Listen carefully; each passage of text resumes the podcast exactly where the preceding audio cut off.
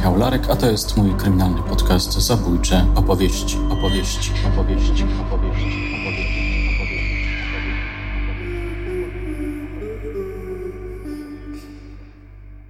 Nagrody nie będzie.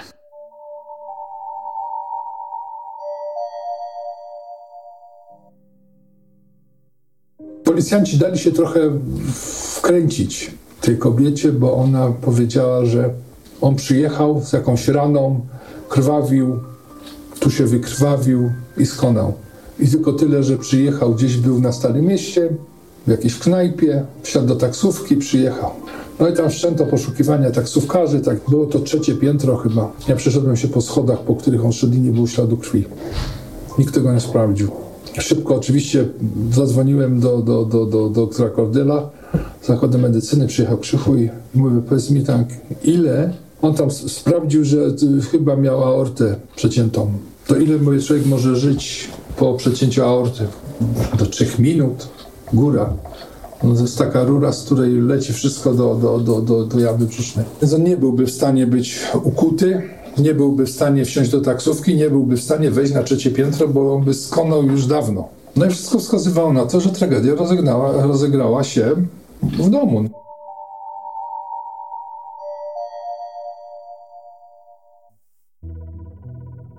To był Maciej Szuba, bardzo ważna postać w świecie wielkopolskiej policji. Należy do tego samego pokolenia, co na przykład Jerzy Jakubowski czy Marek Bronicki. Cała trójka urodziła się w latach 50.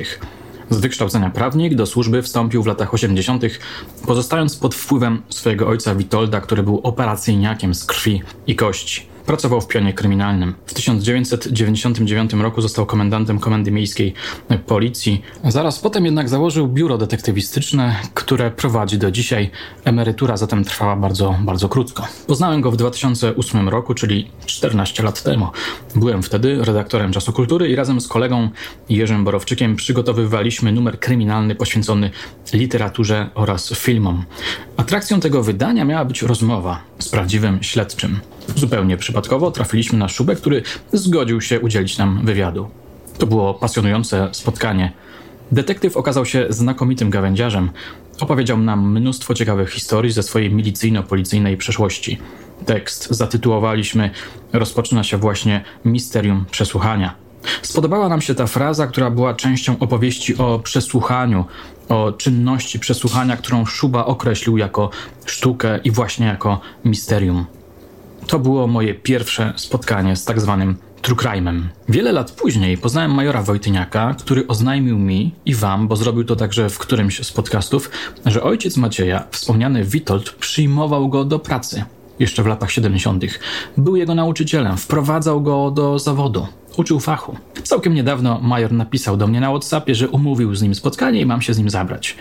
Efekt był taki, że podczas tamtego koleżeńskiego spotkania z Stanem Szkiełą rozwiązały się języki, opowiadali niemal na wyścigi różne anegdotki. Umówiłem się z Szubą na rozmowę do podcastu, na drugą naszą wspólną rozmowę. I oto jest rozmowa, która bardzo ciekawie poszerza uniwersum zabójczych opowieści. Moje drogie, moi drodzy, posłuchajcie.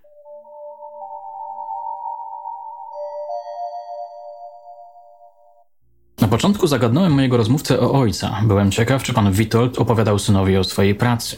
Okazało się, że tak. Wciągał mnie w pewne, w pewne takie analizy myślowe, co ja sądzę na ten Aha. temat, czy, czy to, co on myśli, y, jest dobre, czy złe, czy ja bym zrobił coś innego. Znaczy, stosował taką dobrą metodę. Ja też bardzo często staram się pytać ludzi, którzy nie są związani z tematem, y, właśnie o ich odczucia, o ich, ich, ich, ich jakby pomysł na, na, na ten problem.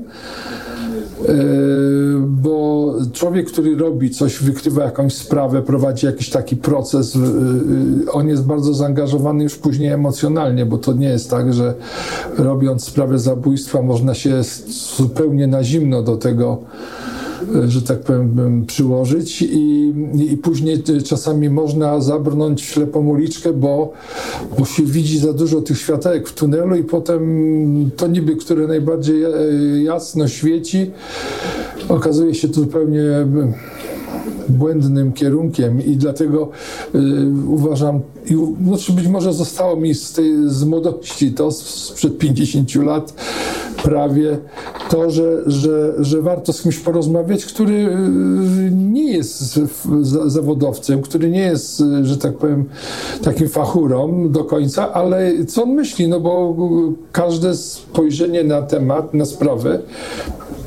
jest bardzo istotne, jest bardzo cenne. Y, okazuje się, że można, można coś podpowiedzieć zupełnie nieświadomie, nie zdając sobie sprawy z tego, że się, że się coś mądrego powiedziało. I takie rozmowy między nami były. Ja pamiętam kilka zresztą tutaj tam spraw, które nawet Roman tu Wojtyniak cytował, y, gdzie ojciec praktycznie przed realizacją tych spraw nie, nie mógł spać i się snuł po domu. Aha od okna do okna i trzymał e, garść e, papieru w ręce. Co chwilę do nich zaglądał, jakby chciał się utwierdzić w tym, że to jest, to jest właściwe i, i to, co zamierzają zrobić za parę godzin. I właśnie wtedy też spotykałem się właśnie z pytaniami, zobacz, a jakbyś ty, no, takie po prostu zwykłe, zwykłe może potwierdzenie swojej, swojej tezy, y, poszukiwania właściwości swojej, swoich rozwiązań. Y, I, i, I, tak jakoś gdzieś tam się, mm, się tym zaszczepiłem, że, że później y, no to mnie bardzo interesowało. Tak?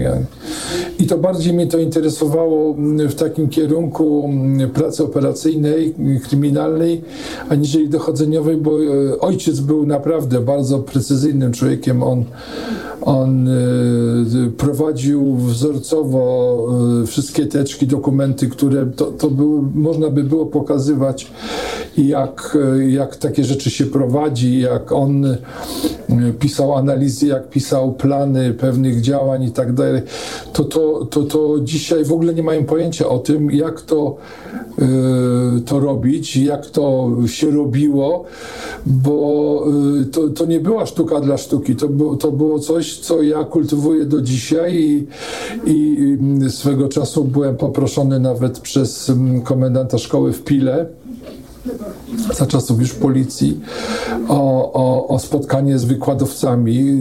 To była szkoła, która zajmowała się wtedy, chyba dzisiaj też, y, y, kształceniem ludzi w kierunku właśnie pracy kryminalnej, operacyjnej, dochodzeniowej, gdzie ja właśnie zarzucałem im, że, że oni nie uczą ich tego typu mm, y, działań policyjnych, które oczywiście są wynikiem wpierw tego biegania po mieście, wyszukania tych informacji, gdzie trzeba to wszystko zebrać, a potem to trzeba w pewien sposób podsumować i stworzyć jakąś analizę tego wszystkiego i mało tego wytyczyć kierunki działania w sprawie, bo, bo to się zdarzało i zdarzać może, że bardzo często w momencie, kiedy mamy do czynienia z poważnym przestępstwem, nagle się okazuje, że jest tylko jeden właściwy i słuszny kierunek i, i, i tak jest. I, I oby tak zawsze było, ale tak niestety y, nie jest.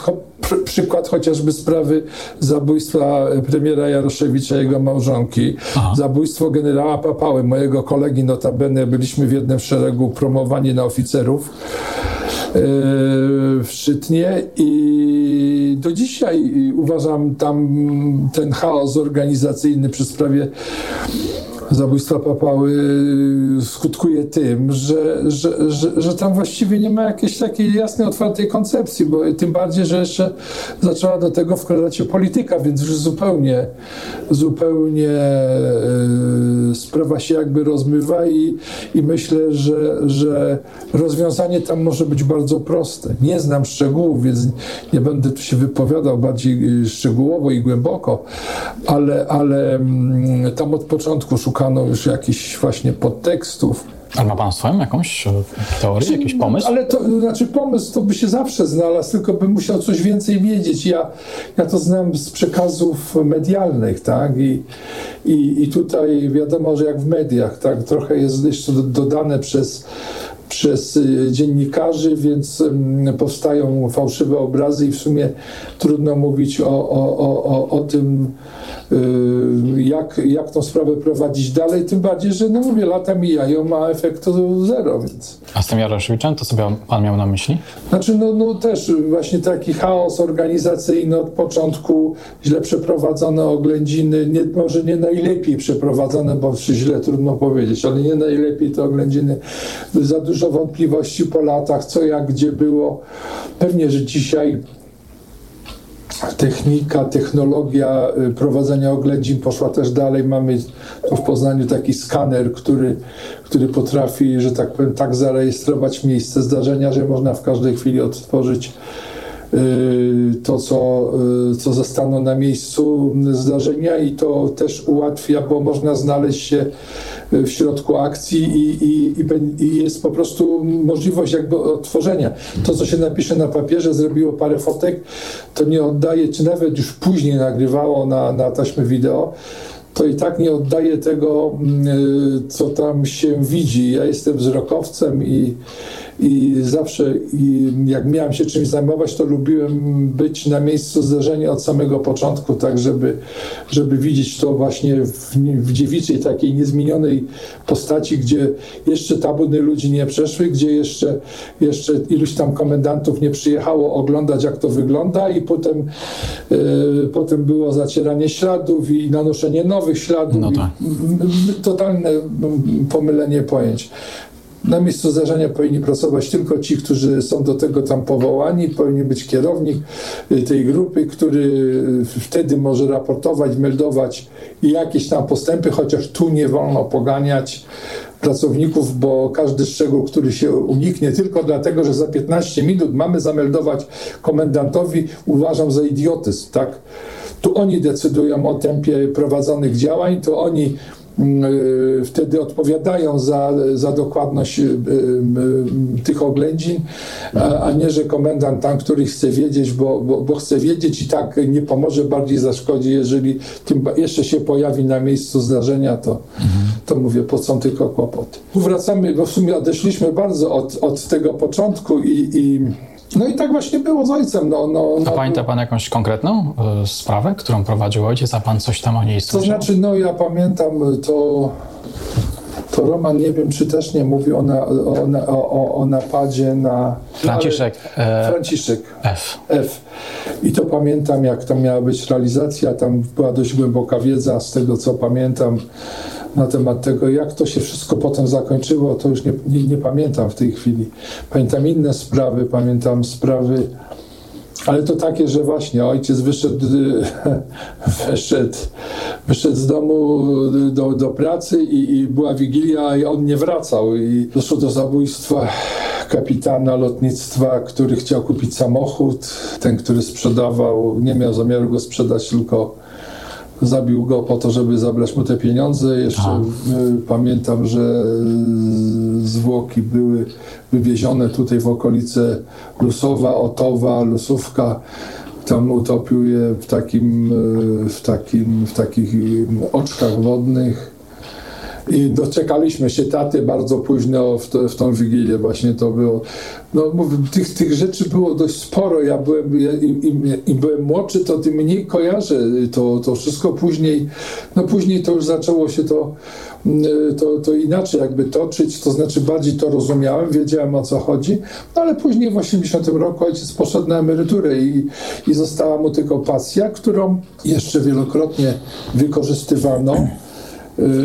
I to było bardzo fajne. To było bardzo fajne, że proszono go o, o konsultacje w wielu sprawach. Jako emeryta, ale mieli do niego bardzo wielkie zaufanie. Ufali również w jego wielkie doświadczenie, no bo to też przychodziły nowe osoby, zupełnie takie jeszcze zielone i on y, brał takich młodych chłopaków tam i z nimi tworzył te analizy, tworzył plany, y, uczył ich wielu rzeczy. I to było bardzo fajne. Dzisiaj tego raczej nie ma, bo, bo, bo dzisiaj mówią, że mają komputery, chociaż nie zawsze te komputery wszystko wyrzucają, a po drugie, no, no dzisiaj jest taki czas, że stary to już do niczego się nie nadaje. Więc, y, ale wtedy to jeszcze mówię tak, jakby doceniano te, te umiejętności ludzi, którzy naprawdę swoje życie poświęcili tej pracy. A pamięta pan coś więcej, więcej szczegółów na temat sprawy zabójstwa tego kapitana? Na przykład rozwiązali tę Tak, sprawę? tak, został zatrzymany. Ale w Wigilię właśnie? Jeszcze? Tak, chyba to było, ta akcja poszła bardzo szybko. On, ten sprawca znaczy, oczywiście po nitce do Kłębka rodzina zgłosiła zaginięcie, że poszedł mąż tam, żona zgłaszała y, kupić samochód dużego Fiata 125P. Y, no więc to były czasy, to były lata 70., więc więc to tak, ten handel nie odbywał się tak jak dzisiaj i on był e, taki może no, w cudzysłowie bardziej transparentny, bo e, autami tak się nie handlowało jak dziś. Także e, sprawca jakby nie przewidział tego, choć on liczył na to, że Y, nie, nie będzie żadnych śladów, nie będzie jakby, mm, no właśnie, żadnego śladu po, po tym zaginionym i no, że będzie to, to uznawane i, i czynności będą prowadzone w kierunku zaginięcia. No, bardzo szybko doszli do niego. I też y, y, jakby ten policyjny nos no, wskazywał na to, że ten człowiek on coś jest nie za bardzo szczery w stosunku do, do, do tych funkcjonariuszy i, i, i, i tak mówiąc krótko go trochę trochę przycisnęli i, i, i, i, w obliczu tego, że znaleziono chyba jeszcze krwawe ślady w jego samochodzie, no, nie wytrzymał tego i po prostu wyprół to z siebie i, i, i pamiętam jeszcze, że właśnie ten, ten późny powrót ojca był spowodowany również tym, że oni tu jechali, szukali tych oczek, on długo nie mógł się jakby z powrotem zorientować w tym terenie, gdzie, gdzie to było, bo takie, no, to jest taka droga leśna, e, wzdłuż jeziora i tam są takie oczka, dzisiaj już niektóre są powysychane, ale wtedy, wtedy były dość liczne i tam pokazywał, strażacy musieli tam wchodzić, szukać, ale w efekcie zostały te zwłoki znalezione, no i, i właściwie y, sprawa y, została bardzo szybko, że tak powiem, rozwiązana. To była jedna z takich szybkich, dobrych spraw. No, no niestety człowiek stracił życie tylko dlatego, że miał pieniądze i chciał kupić samochód. Mhm. Ale sprawa, sprawa poszła, poszła yy, naprawdę, yy, no, no, no, jak na tamte czasy ale była ta wola walki, oni chcieli, oni, oni pracowali, tak, tak jak już tam kiedyś powiedziałem, byli to w sumie prości ludzie, oni nie mieli Harvardów czy, czy, czy Oxfordów ukończonych, ale mieli taką siłę w sobie, taką wolę walki, oni byli byli bardzo twardzi wbrew pozorom. Zresztą no, trzeba pamiętać, że większość z tych ludzi, nawet w latach 70., jeżeli pracowała, to, to byli to ludzie, którzy przeżyli wojnę, okupację i tak dalej, i tak dalej, więc yy, tak jakoś inaczej byli zahartowani. No i, i chcieli się wykazać. Mieli takie poczucie yy, yy, swojego obowiązku, no i chcieli dobrze spełniać ten, obowiązek i dobrze wykonywać tą pracę, do której się, że tak powiem, zgłosili. A miał jakąś dużą sprawę, taką najważniejszą? Pewnie miał. Pewnie miał i to myślę, że nie jedną, bo, bo powiem tak, e, Witka, Witka praktycznie, Witek był zawsze przy każdej sprawie. Szefowie, naczelnicy e, zawsze praktycznie brali go e, ze sobą na każde poważne zdarzenie, gdzie jakby mówił co, jak, gdzie. Mm, I, i, i, teraz jest tylko kwestia jakby przypomnienia sobie, tu bardziej mój Romek byłby, bo on był też przy tym, przynajmniej przez jakiś etap swojego życia, bo tych spraw wcześniejszych, tam z lat 60., to, to ja nie pamiętam, miałem wtedy 10-12 lat, więc, więc to były rzeczy, które były gdzieś poza mną, a wtedy jeszcze nie mówiło się o pewnych sprawach. Yy, też dbano o to, aby ta moja psychika była w miarę normalna. A tu jednak mm, ojciec żył gdzieś tam w tym świecie przemocy i, i, i, i takiego e, mało eleganckiego obycia, gdzie, gdzie mm, no, ludzie traktowali się rzeczywiście bardzo ostro. E, takie też to były czasy. No generalnie wtedy większość przestępstw to była e, na podłożu że tak powiem, materialnym, tak? No, zresztą jak dzisiaj pewnie większość takich tematów, one dzisiaj mogą być bardziej takie wyszukane, bo to nie chodzi o, o 100 tysięcy złotych, ale tu chodzi o nieruchomość wartą tam, nie wiem, 10 milionów, czy 20, czy 50. Y, Wtedy takimi pieniędzmi to mało kto y, dysponował, więc, więc y, y, począwszy od rozboi ulicznych, które, które były też na porządku dziennym, y, po, szczególnie pod, pod lokalami gastronomicznymi, których wtedy było dość sporo w centrum Poznania, bardzo długo otwartymi zresztą, gdzie ludzie przychodzili się napić wódki, mówiąc krótko, i, i dobić się czasami, no to były takie ekipy, które tylko na to czyhały i tam od bardzo drobnych kwot do większych, jak były wypłaty, to potrafili się nieźle obłowić. Więc To była taka nucka dnia codziennego, mówiąc krótko. Właśnie chciałem kiedyś zrobić odcinek o mm, Poznaniu takim alkoholowo um, nieobyczajnym. No. A ma, ma pan jakieś anegdotki, jakieś historyjki, scenki z takiego Poznania? Musiałbym sobie pomyśleć o tym, no bo wie pan, to, to, to mm, ja mieszkałem, właśnie mieszkaliśmy wtedy, kiedy ojciec y, pracował, jeszcze w latach 60. mieszkaliśmy na, na ulicy Gancarskiej. O, czyli w, rzeczywiście w samym centrum. No i ja z, z, tym, z tą nieobyczajnością spotkałem się, spotykałem się na co dzień wieczorem.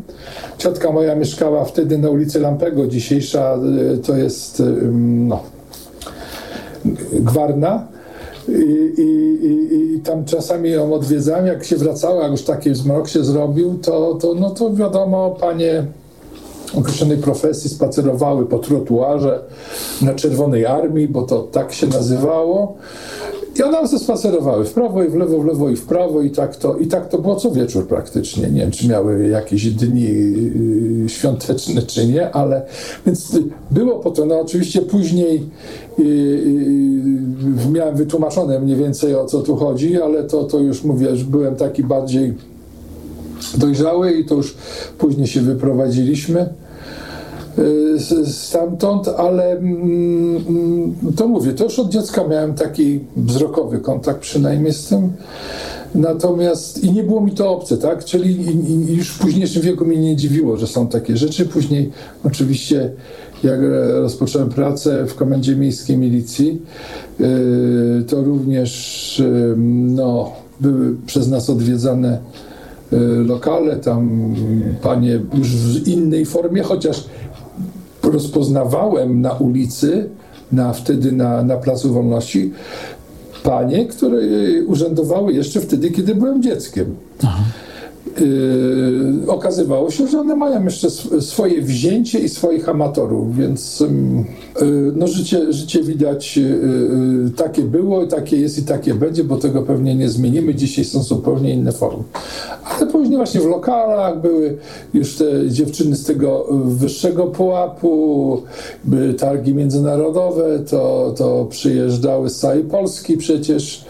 Tu był tu był zjazd na, na, na, na czerwcowe targi. Pani Bożena Bydałek się zajmowała. Bożena Bydałkowa zajmowała się, tak, ale wtedy cały wydział praktycznie y, działał y, praktycznie całą dobę i to bardziej na drugiej i, i nocnej zmianie, bo, bo wtedy to życie było najbardziej takie widoczne i mało tego takie intensywne i wtedy też mogły zdarzać się kradzieże, rozboje na obcokrajowcach, czego, czego władza chciała uniknąć, więc te, te, te działania prowadziliśmy głównie, głównie w nocy. I tutaj, no to taki to dzisiaj, wtedy no po prostu przyjmowałem to, że świat taki jest i, i tak nie, nie, było to zabronione, więc y, nikt tu specjalnie nie interweniował w, w, tej materii. Wiadomo, że jak byli jacyś sutanerzy i tak dalej, to, to, to było jakby y, przedmiotem zainteresowania, ale głównie Bożenki.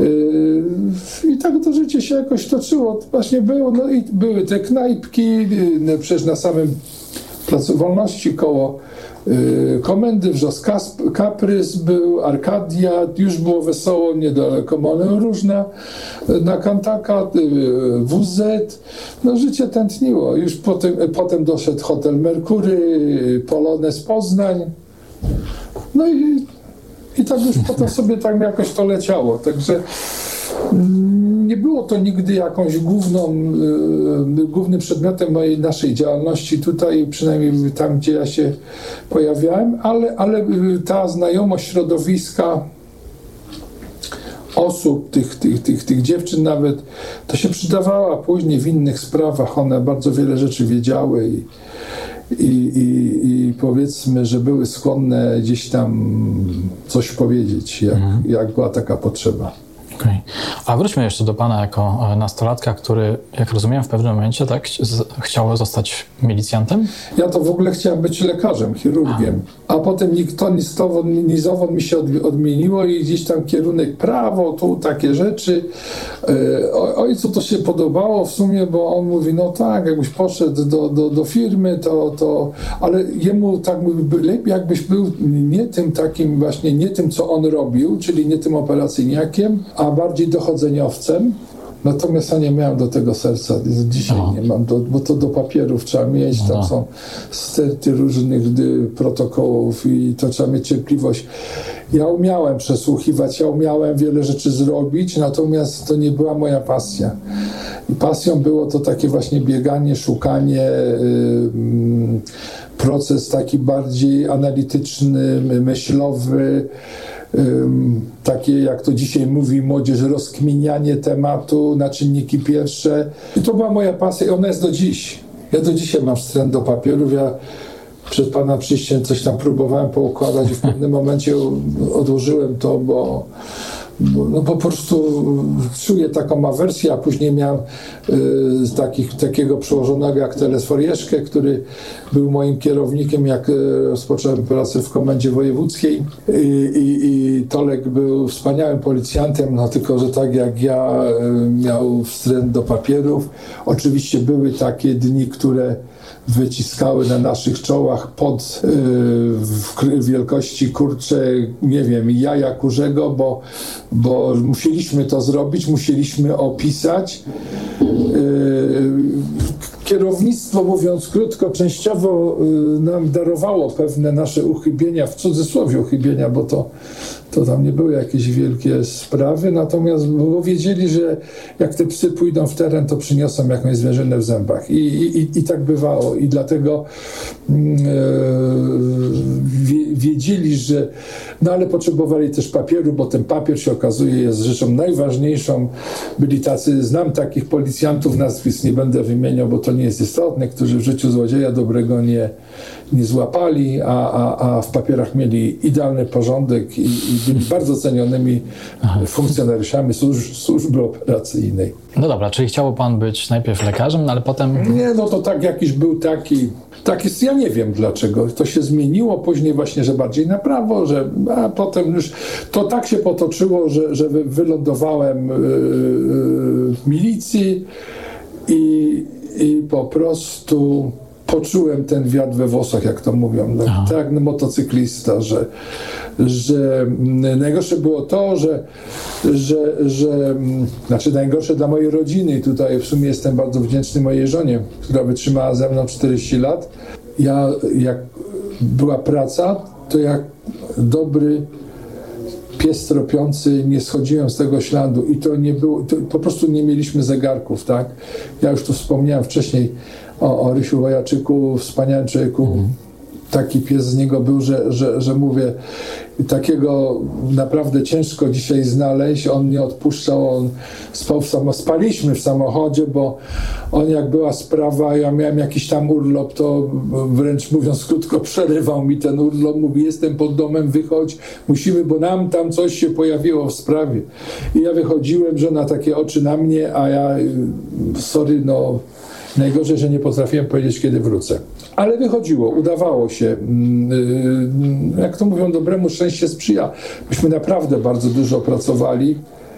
Yy, Mieliśmy bardzo, bardzo dobre wyniki, szczególnie w zakresie tam powiedzmy zabójstw, których trochę było. One, one były skomplikowane i nie były, bo, bo yy, ja zawsze mówię tak, że jak przy każdej najtrudniejszej sprawie, jeżeli znajdzie się błąd sprawcy, to sprawa już jest prosta. Jeżeli ktoś popełnił błąd, a popełnił, nie ma sprawy, gdzie, się, gdzie sprawca nie popełnia błędu.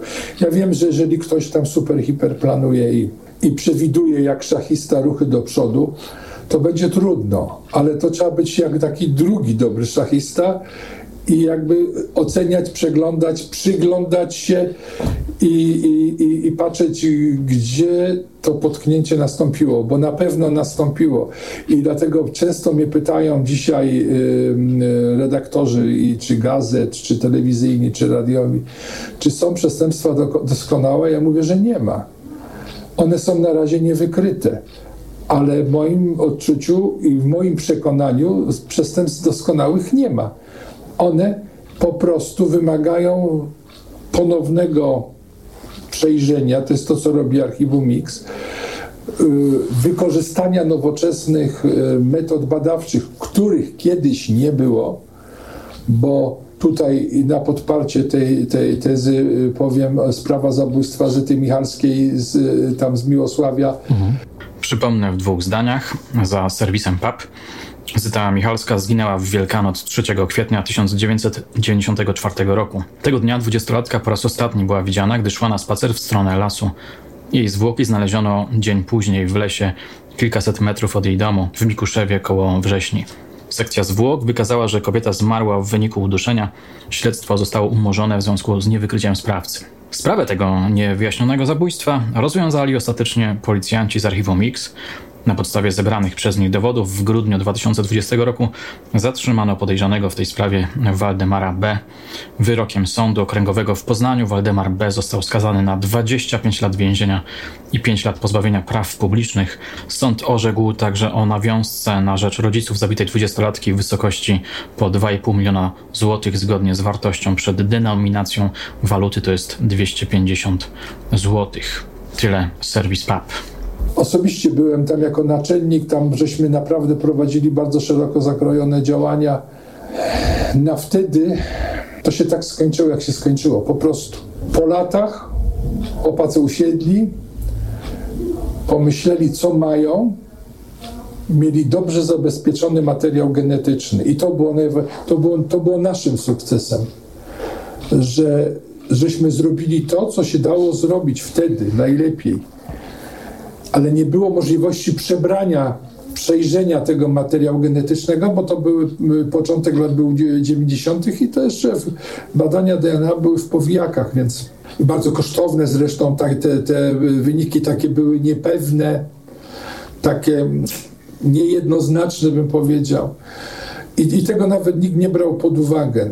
Natomiast oni już teraz znaleźli kogoś, kto te badania zrobił perfekcyjnie pobrano materiał ten, który był, że tak powiem, w archiwum, wytypowano grupę osób, która wtedy gdzieś tam wchodziła w, krąg zainteresowania. I czy, czy nawet nie tylko zainteresowania, bo tam tr trudno było to wszystko tak ogarnąć, tym bardziej, że chyba ten sprawca to nawet z innej wsi pochodził. Ale to też nie o to chodzi. I, i, i po prostu podjęto z prokuraturą taki dość y, ryzykowny, ostry krok, że pobrano materiał genetyczny od jakiejś grupy mężczyzn, którzy mogli być potencjalnymi sprawcami. No i nauka wskazała kto.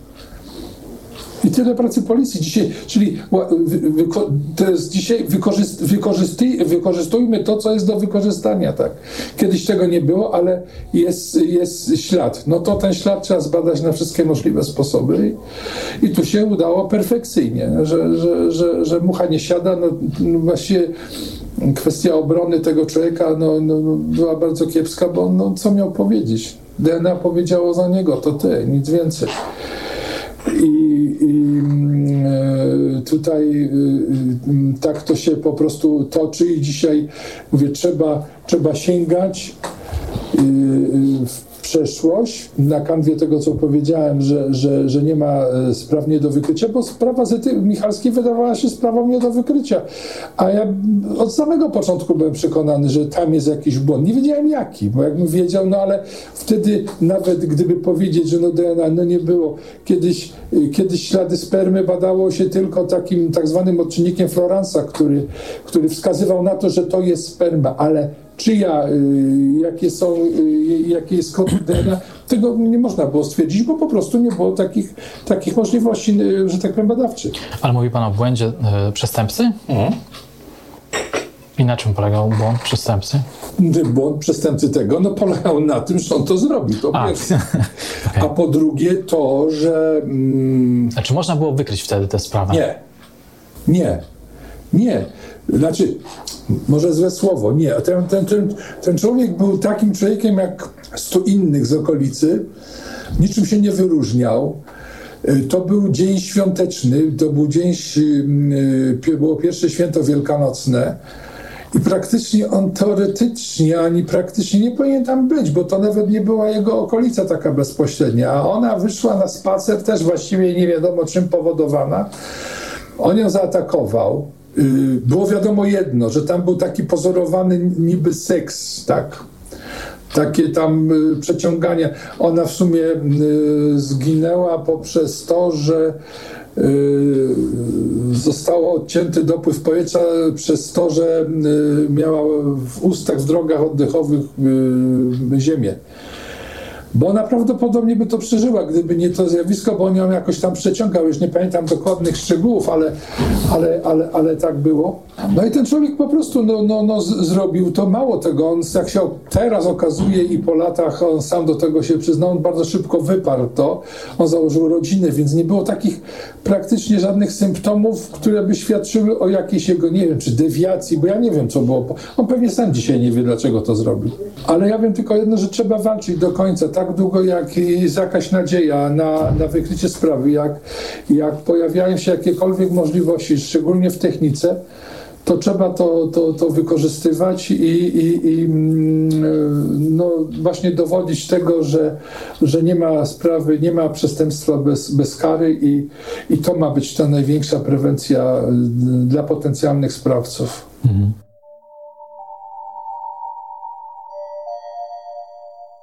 Pamięta pan swój pierwszy dzień w, w robocie? To była od razu komenda miejska?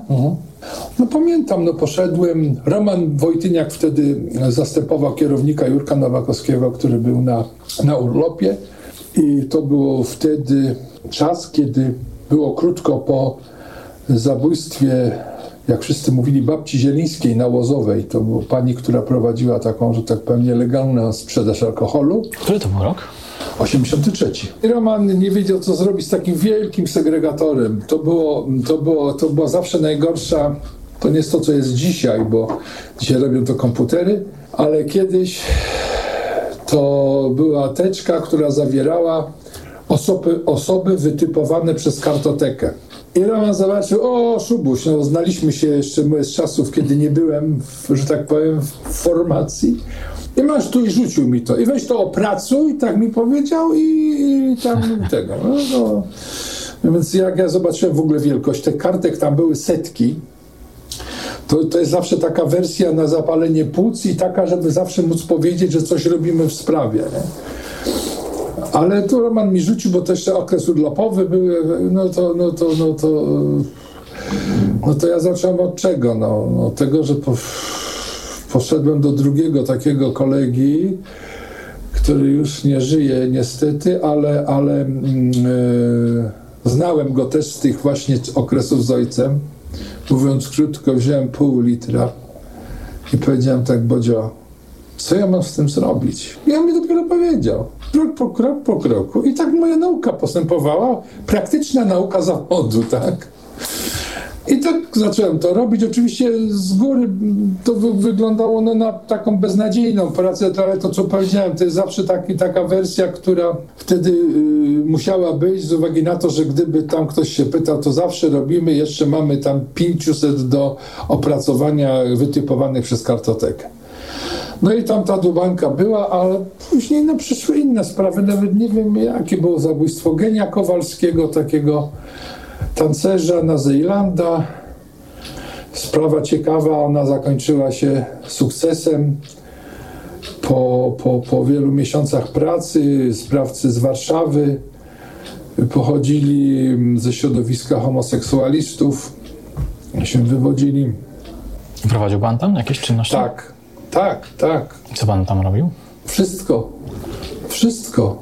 wszystko robiłem, no bo to mówię, po pierwszym amoku, kiedy już my te wszystkie y, sprawy y, minęły, no to y, z Heniem Szczepaniakiem, z dochodzeniowcem, żeśmy te sprawy jakby z, mieli powierzoną, no i żeśmy po prostu i przesłuchiwali, i typowali tam pewne osoby, poszukiwali pewnych świadków. No była to naprawdę bardzo karkołomna bardzo karkołomna robota. Proszę pamiętać o tym, że to były lata 80. Nie było tego, że można było odszukać kogoś po telefonie komórkowym, gdzie mniej więcej przebywał w danym czasie. Tym bardziej, że myśmy nie mieli zielonego pojęcia, kto mógł być sprawcą. Mhm. Rozumiem, że to jest ten y, mężczyzna, który został znaleziony w Tapczanie. Kanapie, tak. Kanapie. W, w Tapczanie. U niego masa ludzi się przewijała. Tam a Bogusław Kaczyński nawet się też, przewinął, prawda? Też i wielu, wielu innych ludzi ze świata y, baletu. Y, on był nawet tam w tym świadku znany. No takie życie prowadził, no i, i mówię, akurat Właśnie, to gdyby już tak nie, nie rekonstruując całej tej sprawy, ale gdyby Pan opowiedział o tym, jak e, rozwiązaliście, jak wykryliście ją. Była, była długa, długa, długa, długa e, robota, taka właśnie ustalenia was. Już nie pamiętam kto, ale gdzieś w Warszawie nam podał taki wizerunek e, jednego ze sprawców, gdzie żeśmy sporządzili portret pamięciowy, to by, te portrety też były, wszystko zależało od ręki rysownika i one były, jedni mieli, byli, robili kwadratowe twarze, inni robili tam owalne i to, to ale tu taka wyszła, no gdzieś w typie. A sprawa wyszła przy pomocy naszego, że tak powiem, nadzorcy z komendy głównej, który nadzorował tę sprawę i tak jak te kierunki warszawskie tam się zaczęły pojawiać, tak trochę zaktywizował, jednostki te warszawskie. No i któregoś pewnego pięknego dnia przyszła informacja, że w takim lokalu Alhambra chyba to się nazywało, to nie wiem czy do dzisiaj nie jest czasami, tam generalnie homoseksualiści się gromadzili. Ktoś tam gdzieś tam się wypowiedział, że jakiś numer w Poznaniu, gdzie tam, nie wiem, jakieś futra, tam został skradziony błam, błam karakułowy. I że to tam taki Adam to o tym mówił i że tam był jeszcze z takim jednym, który był na ucieczce z zakładu poprawczego chyba wtedy. No i tak po nitce do kłębka Pojechaliśmy później po jakimś czasie oczywiście, bo to było pierw opracowanie, dopracowanie, bo to takie łaziki byli, to, to, to nie byli tacy ludzie, którzy mieli domy tak normalnego. Pojechaliśmy do Warszawy, mieliśmy ich zlokalizowanych, więc tak dokonaliśmy zatrzymania, no, no i, i się przyznali. No, byli bardzo zaskoczeni, nie sądzili, że ktoś może ich w Warszawie znaleźć po takim numerze w Poznaniu. A. Proszę pamiętać, że to były inne czasy, te media nie, nie, nie działały tak, nie było faksów, nie było telefonii komórkowej, o przesyłanie obrazu. Y, pamiętam z telesforem, myśmy kiedyś przesyłali za pośrednictwem telewizji telewizja wtedy miała takie łącza techniczne w jakichś tam określonych godzinach, więc dla sprawdzenia pewnie transmisji i myśmy poprosili tutaj Poznański Ośrodek o ja to nie wiem, czy to w tej, czy w innej, ale, ale, ale mówię o, o technologiach, jakie były. I, I, poprosiliśmy ich, żebyśmy, żebyśmy zdjęcie nam po prostu przesłali do Warszawy. Ktoś tam strzeli fotę i ktoś tam z komendy głównej to odbierze. No, no i to był najszybszy przesył, bo jeszcze wykorzystywało się kolejarzy nie, do, do, do przewożenia kopel i tak dalej. Ale, ale mówię, myśmy już też myśleli jak najszybciej, no bo czas w pewnych kwestiach jest y, rzeczą nieocenioną, tak? I tutaj nie pamiętam, co to za sprawa była, ale rzeczywiście jeszcze Tadziu Zwiewka był, wychodził i się śmiał z nas, co wy tu robicie, a my mówimy zdjęcie, wysyłamy tam jakiegoś zbrodniarza do Warszawy, żeby coś go zatrzymali, czy zabezpieczyli na granicach. Nie było tych środków techniki, jakie są teraz, że to właściwie to się robi w sekundzie i, i, i to wszystko działa. Y, I, i, I, to też było fajne. Te, te czasy miały też swój urok taki. No i właśnie to, ale to był dowód na to, że się kombinowało, tak? Jak można, jak to zrobić? Można było to przyjść, właśnie zrobić, wysłać pocztą, to by tam na drugi albo na trzeci dzień trafiło do, y, do, y, do komendy głównej, tam ci zajmie. tak to było natychmiast i, i mieliśmy pewne sprawy już też jakby mm, zabezpieczone od razu, co, co później też się przekładało na, na pewne e, e, efekty, no bo jak ktoś gdzieś tam uciekał, wtedy było też popularne uciekanie za granicę, już tutaj za, do Berlina Zachodniego, to, to już wychodził spoza jurysdykcji praktycznie i, i, i nie wiem, co by to musiało być, żeby kogoś gdzieś tam skądś ściągnąć. Mhm.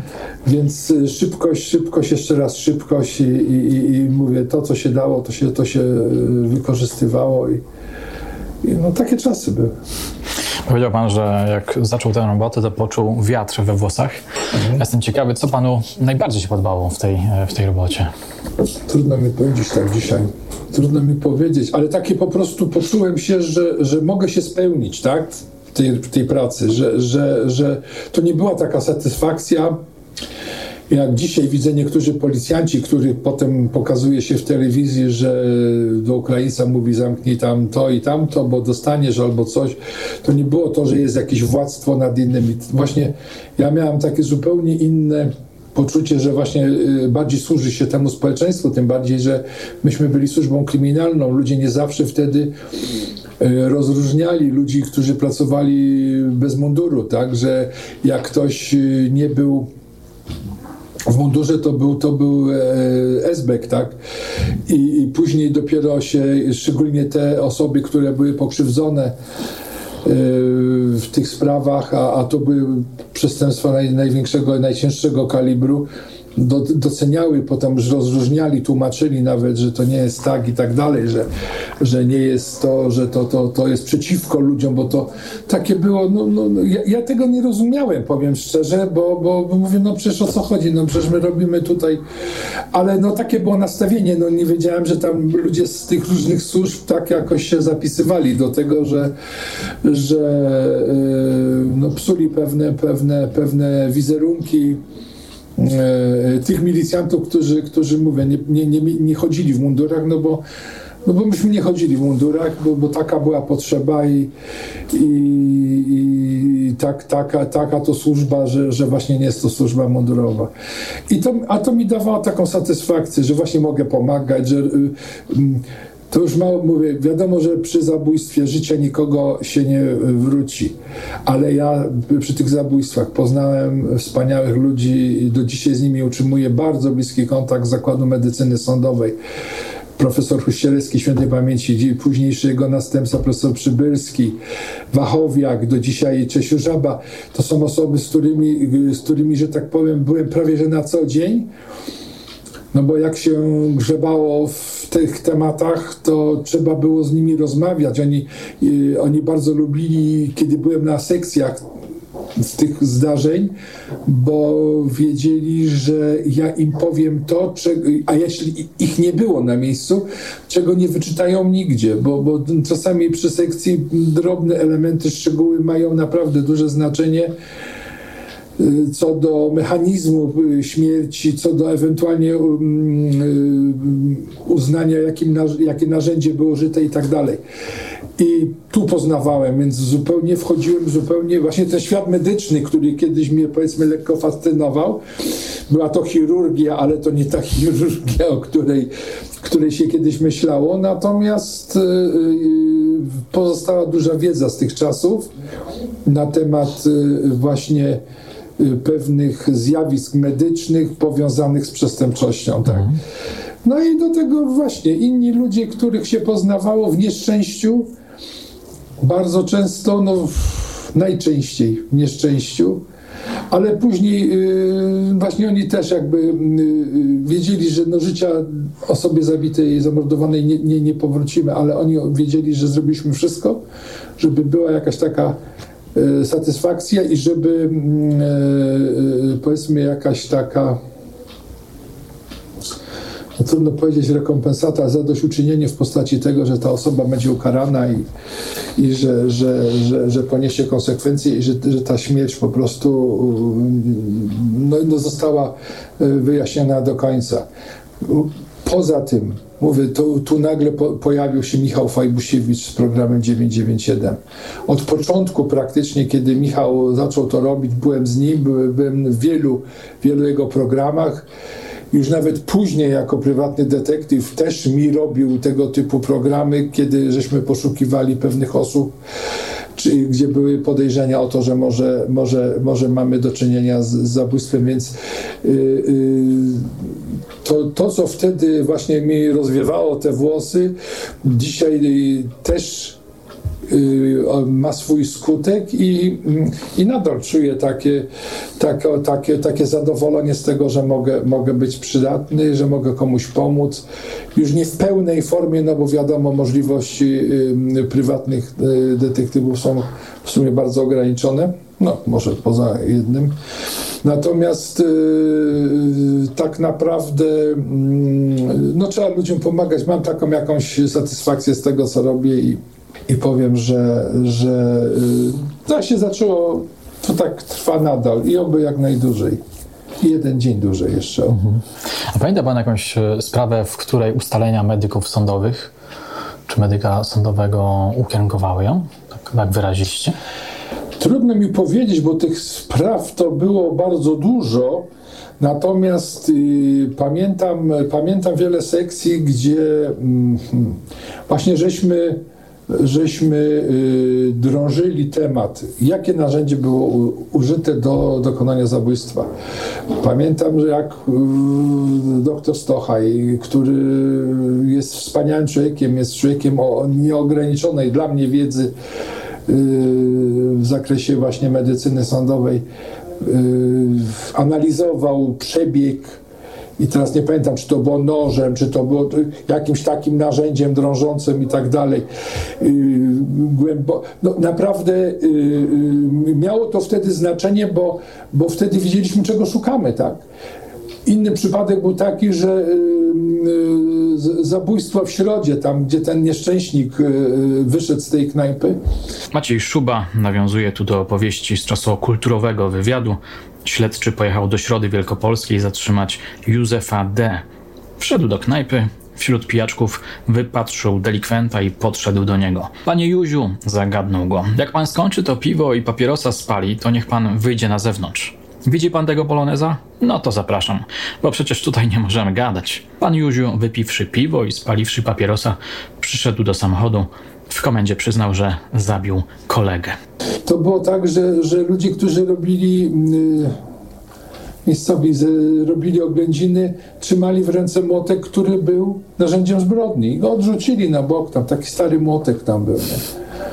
A my, medyk przyjechał, nie wiem, czy to był Krzysztof Kordel, czy, czy no, chyba wtedy, i, i, i, chwycił ten młotek i, i patrzymy, wiele tu są jeszcze resztki włosów i, i, i krew jest, tak? Więc my... Ktoś mi opowiadał o tej sprawie. No. I, i, i, i to z Jurkiem Szczykałą tam byliśmy akurat. Wtedy na tym byliśmy oddelegowani do tej sprawy.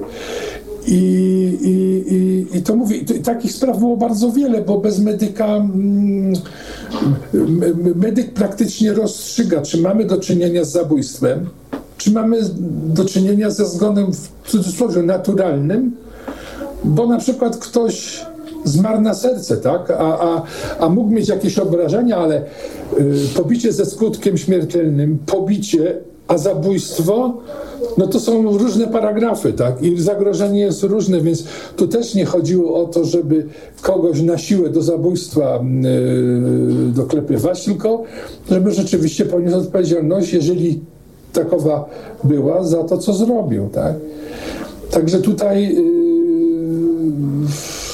no tak na szybko to sobie mogę nie przypomnieć, bo rzeczywiście mi się już mylą tyle. Naprawdę mieliśmy dużo tych przypadków. Były sprawy prostsze i były bardziej skomplikowane. Ale, ale y, bez, bez medyka sądowego, y, jak było mm, ciało, to, to, to, to się nie, nie mogło obyć. Ja, ja mm, zawsze prosiłem i wzywałem wręcz. Oni ze mną mieli taki układ, a ja z nimi właściwie, że mi mówili, kto dzisiaj ma taki w cudzysłowie dyżur zakładu, że, że będzie pod telefonem i będzie gotów przyjechać, jeżeli tylko, jeżeli będzie tylko taka potrzeba. Bo obecność medyka na miejscu jest rzeczą kapitalną. Z punktu widzenia y, y, dochodzenia, dochodzenia, y, śledztwa, czy, czy w ogóle procesu wykrywczego, no to, to od początku wiemy, co robimy, tak? Mamy zabójstwo, czy nie mamy zabójstwa, tak? Czy, czy, czy bo przecież czasami pewne okoliczności wskazywały na, na, na nie wiadomo co, a się okazywało, że ktoś po prostu szedł na serce, no. Coś się stało, dostał zawału serca i, i zmarł, tak? Więc tutaj y, ta wiedza tych ludzi jest, ona to jest bardzo specyficzna, ale jest konieczna. Kiedy rozmawialiśmy kilkanaście lat temu, to mm, użył Pan takiego sformułowania, że przesłuchanie to jest misterium. Bo jest. Bo przesłuchanie to jest misterium. Ono polega na zadawaniu pytań, słuchaniu odpowiedzi, pomijam zapisywanie, ale i mało tego, ten przesłuchujący jeszcze musi to wszystko analizować na bieżąco. Yy, najgorzej jest wtedy, kiedy, yy, kiedy osoba przesłuchująca po prostu odklepuje. Zadaje pięć pytań czy dziesięć pytań, protokołuje to, co ktoś mówi i mówi dziękuję panu i, i, i, i, i fajlan. Pasuje. Oczywiście wszystko to zależy od, od tego, kogo się przesłuchuje, ale nawet przesłuchanie świadka y, nie powinno się tak odbywać na odklepanie tylko tematu, bo y, świadek czasami nie wie, co wie. To jest śmieszne, ale umiejętnie zadanie pytania potrafi wyzwolić coś z, z takich pokładów pamięci, yy, że ktoś nawet bezwiednie powie o jakichś szczegółach, o których by sam nie powiedział, ale to jest rola jakby zadającego pytanie, który, który musi wykrzesać tą iskrę, żeby, żeby ten pomyczek powstał. Nie? I to jest rzeczywiście misterium. To jest, to jest yy, yy, nie wiem, czy dzisiaj się to robi, wątpię, ale kiedyś za czasów Jurka Jakubowskiego, Jurka Strzykały, tam Michała Gajdamowicza i, i, i, tych wszystkich naszych tam dochodzeniowców, to pisało się wręcz plany przesłuchania, tak?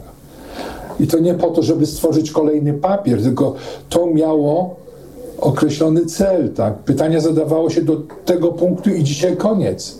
Miało to jakby też rozbudzić yy, przemyślenia w osobie przesłuchiwanej, szczególnie podejrzewanej, tak, czy podejrzanej już, zależy jaki to był etap yy, postępowania. I to, I to właśnie, i wtedy też nie mógł kto inny wziąć się za przesłuchanie następnego dnia, tylko musiał, powinien to robić ten sam, w tym samym duchu, to nie i z tym samym, że tak powiem, rozkładem jazdy, bo, bo, bo to wtedy ma cel.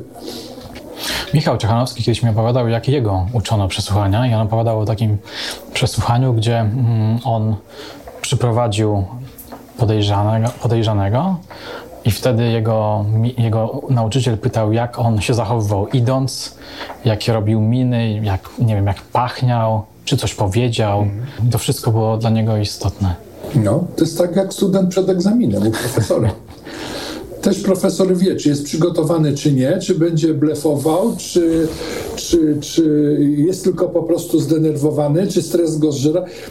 No, nasze ciało wiele o nas mówi I, tak samo w takiej sytuacji dla osoby, którą się podejrzewa o dokonanie zabójstwa, szczególnie, bo to jest ten kaliber taki bardzo nieprzyjemny i bolący, yy, będzie robiła wszystko, żeby od siebie odsunąć te podejrzenia, więc yy, Y, tylko nie zdaję sobie do końca sprawy, że organizm, bo nikt nie jest tak wyćwiczony, jakby mu się wydawało, że organizm jego też reaguje na pewne bodźce i samo już doprowadzenie, samo już, nawet gdyby mu podać rękę i zobaczyć, mokra jest, tak? Mogą być różne przyczyny, ale jest to już pewien fakt. Potem, że tam się rumieni, potem, że mu się kropli czoło, że tam zaczyna się gubić, że zaczyna się jąkać. To są wszystko elementy, które o czymś świadczą. W momencie, kiedy idzie w zaparte, trzeba to wykorzystywać, tak? Trzeba zobaczyć, y, na jakie pytania reaguje, jak reaguje. I wtedy y, no, starać się zadawać takie pytania, żeby, żeby po prostu ten przesłuchiwany wypluł z siebie to wszystko. I bardzo często, a prawie zawsze bywało tak, że jak po takiej, że tak powiem, obronie ten podejrzany powiedział tak, to ja i jeszcze opowiedział, jak to zrobił, to potem mówi, wie pan co, dziękuję panu. Obrzyło mi. Po prostu.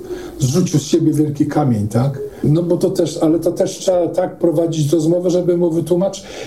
myśmy zawsze mówili w tym gronie osób, które, z którymi tam najczęściej współpracowałem, że takiemu człowiekowi trzeba wytłumaczyć, że nie będzie miał nagrody za to, co zrobił. Bo czasami, mm, czasami zabójcami były osoby, które rzeczywiście one były ofiarami tych, których y, zakuli nożem.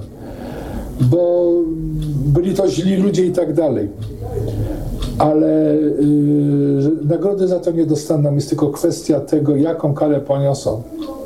Jeżeli, jeżeli pójdą na jakieś, jakąś współpracę taką, żeby, żeby to wyjaśnić i mało tego wyjaśnić jeszcze motywy, bo nie wszyscy sobie zdają sprawę, że to też ma swoje znaczenie. Jeżeli ktoś się pozbywa stręczyciela takiego, który y, bije, gnębi i, poniża codziennie, to myślę, że nie ma sądu, który by uznał to przy, przy wydawaniu wyroku. I trzeba wytłumaczyć, że no my możemy też jakby w pewnym momencie to zacząć kształtować, tylko, tylko musimy wiedzieć tak naprawdę, co było. Nie? Chociaż się wie, no ale, ale, ale yy, najlepiej, kiedy, kiedy ta osoba sama, sama się do tego przyzna.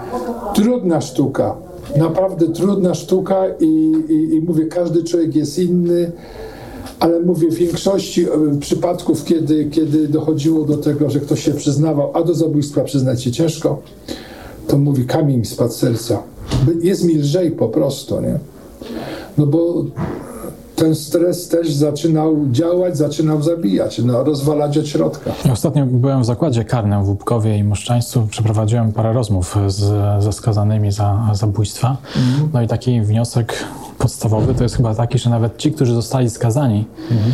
i są już u schyłku swojej kary, w sumie nigdy nie są w stanie opowiedzieć szczerze, ze szczegółami, jak doszło do, do zbrodni.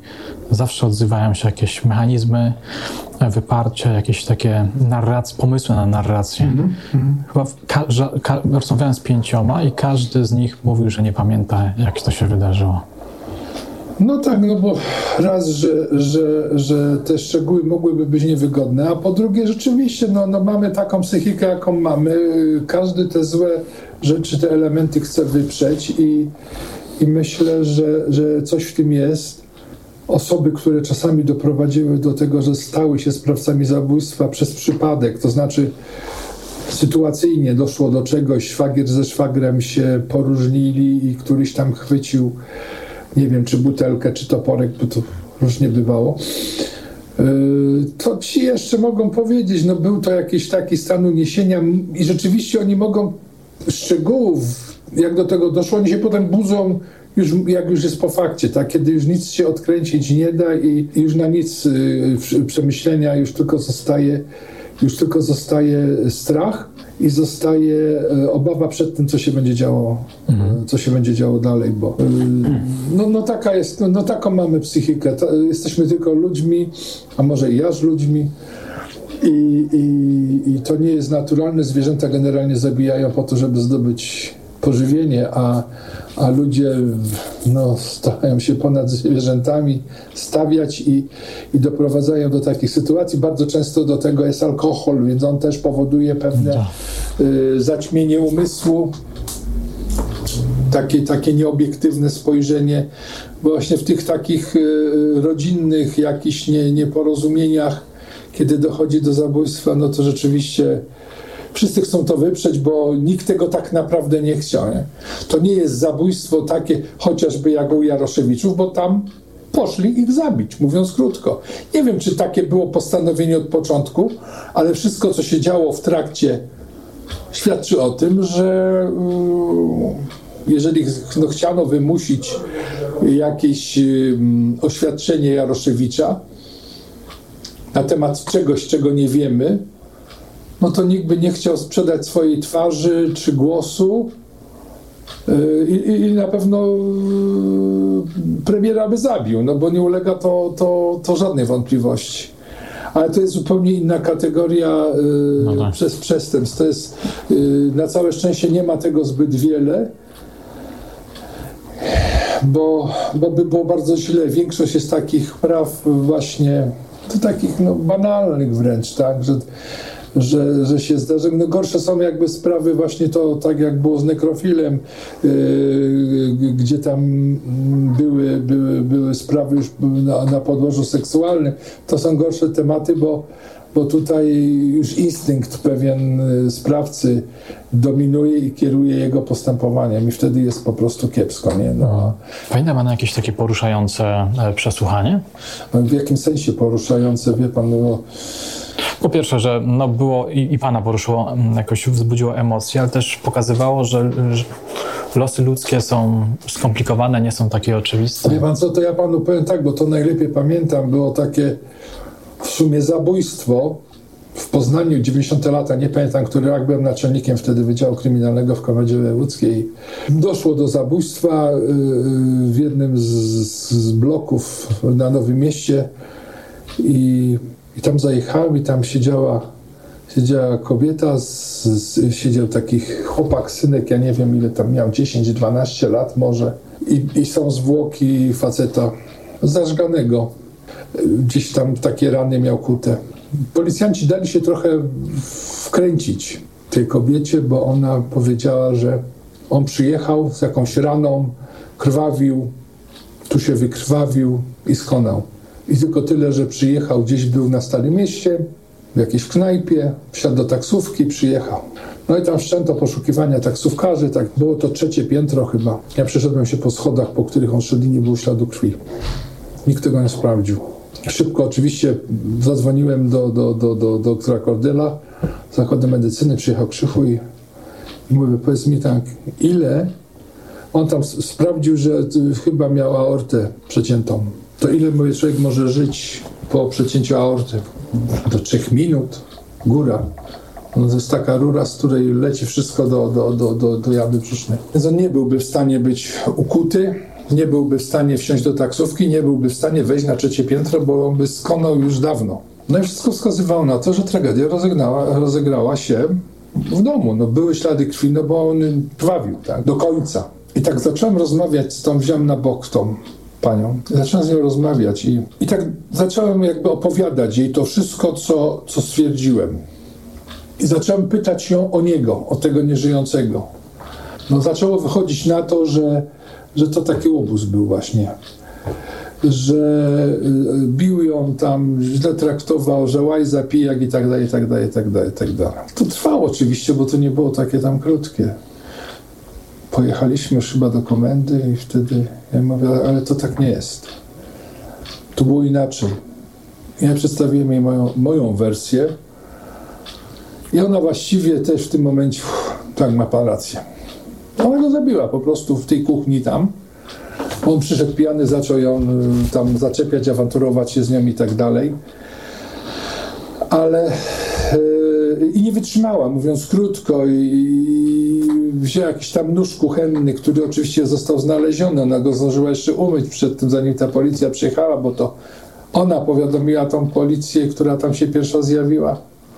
I to na mnie zrobiło wrażenie. Mówię, no tak, do tego doszło, że, że właściwie ofiarę musimy posadzić. Naprawdę było mi jej bardzo żal, bo, bo, bo, bo widać po niej, że, że, że nie umiała sobie inaczej tego życia ułożyć.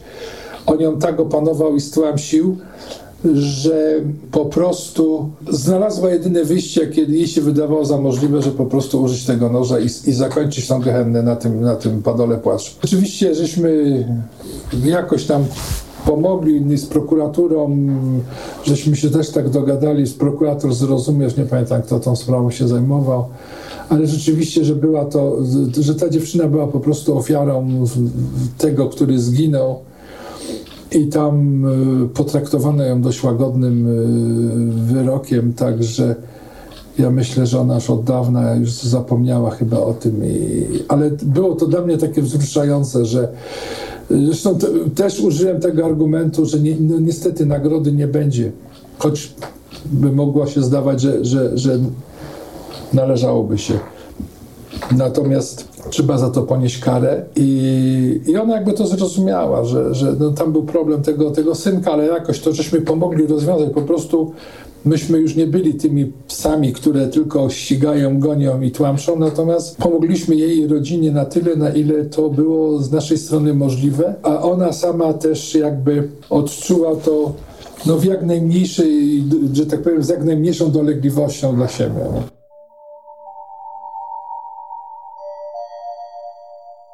Chciałem jeszcze tak na koniec e, zagadnąć o to, czy czasami panu zdarza się e, pomagać e, policji? No, zdarza się. W większym lub mniejszym stopniu. Ja mówię, są pewne, pewne zjawiska przestępcze, które gdzieś tam z którymi mamy do czynienia i pod, podpowiadam, jeżeli mam skojarzenia, tak jak z tym słynnym doktorem Krokosem, gdzie nikt nie pamiętał go już, nikt y, nawet nie, nie, nie wyszło im w jakichś kartotekach, że, że taki człowiek był i był skazany. Mówimy o tym mężczyźnie, który o tym, co tam studentki, tak, i tam rozbierał i tam przyklejał karteczki. Metoda w latach 80 stosowana nagminnie przez niego. Myśmy go wtedy ustalili, zatrzymali, była sprawa, chyba tam siedział za to coś. Wyszedł, no i ale widać, że w, w, już teraz to nie był doktor, tylko już był chyba teraz docent, czy, czy, czy coś takiego. Gdzieś tam awansował, gdzieś tam w tej karierze naukowej. No to był, prawdziwy, on był prawdziwym pracownikiem? Czy takim przebierańcem, tak? Tak, on kitel miał, on tak się umiał, umiał ucharakteryzować i robił dobre wrażenie. I te dziewczyny się dawały nabrać na, na te jego właśnie badania. Ale, ale ja jak tylko to gdzieś przeczytałem, czy, czy to gdzieś ktoś jest taka metoda, no my słuchajcie, no taki był już Krokos, mówi identycznie, wątpię, żeby był to kto inny. Chyba, że nie żyje, no to ktoś mógł podłapać tą metodę. Ale się okazało, że żyje, że to on. Czasami są jakieś takie rzeczy, są jakieś skojarzenia, to ja też no to biorę tam do kogo, dzwonię, mówię, słuchajcie, a zobaczcie tylko to. Ja nie wiem później, co się dalej z tym dzieje, czy to był dobry kierunek, czy nie, ale uważam, że bym postąpił bardzo źle, gdybym y, nie powiedział tego, tak? Czy tam nie wskazał tego, bo, bo, bo trzymanie dla siebie takich rzeczy, które mogą być pomocne, przydatne, no to, to nie ma sensu, tak? No, jeżeli coś tam jeszcze tam zostało w tym mózgu z, z takiej wiedzy, no to trzeba to, to, to przekazać dalej, no może się przyda.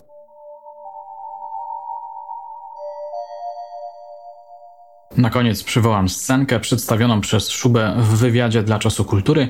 Pytanie dotyczyło kobiet. Byliśmy ciekawi, czy były takie, które chciały go uwieść podczas prowadzenia przez niego śledztwa. Odpowiedź brzmiała tak. Była taka kobieta wplątana w sprawę o zabójstwo Czesia N., poznańskiego cinkciarza w hotelu Poznań. Ten Czesio był człowiekiem zupełnie niegroźnym, za komuny handlował w tym hotelu złotem, dolarami. Zabił go niejaki K, judoka Olimpii Poznań. K miał narzeczoną Mariolkę, która podczas śledztwa robiła myślane oczy, mówiła panie poruczniku, a pan taki młody i tak dalej.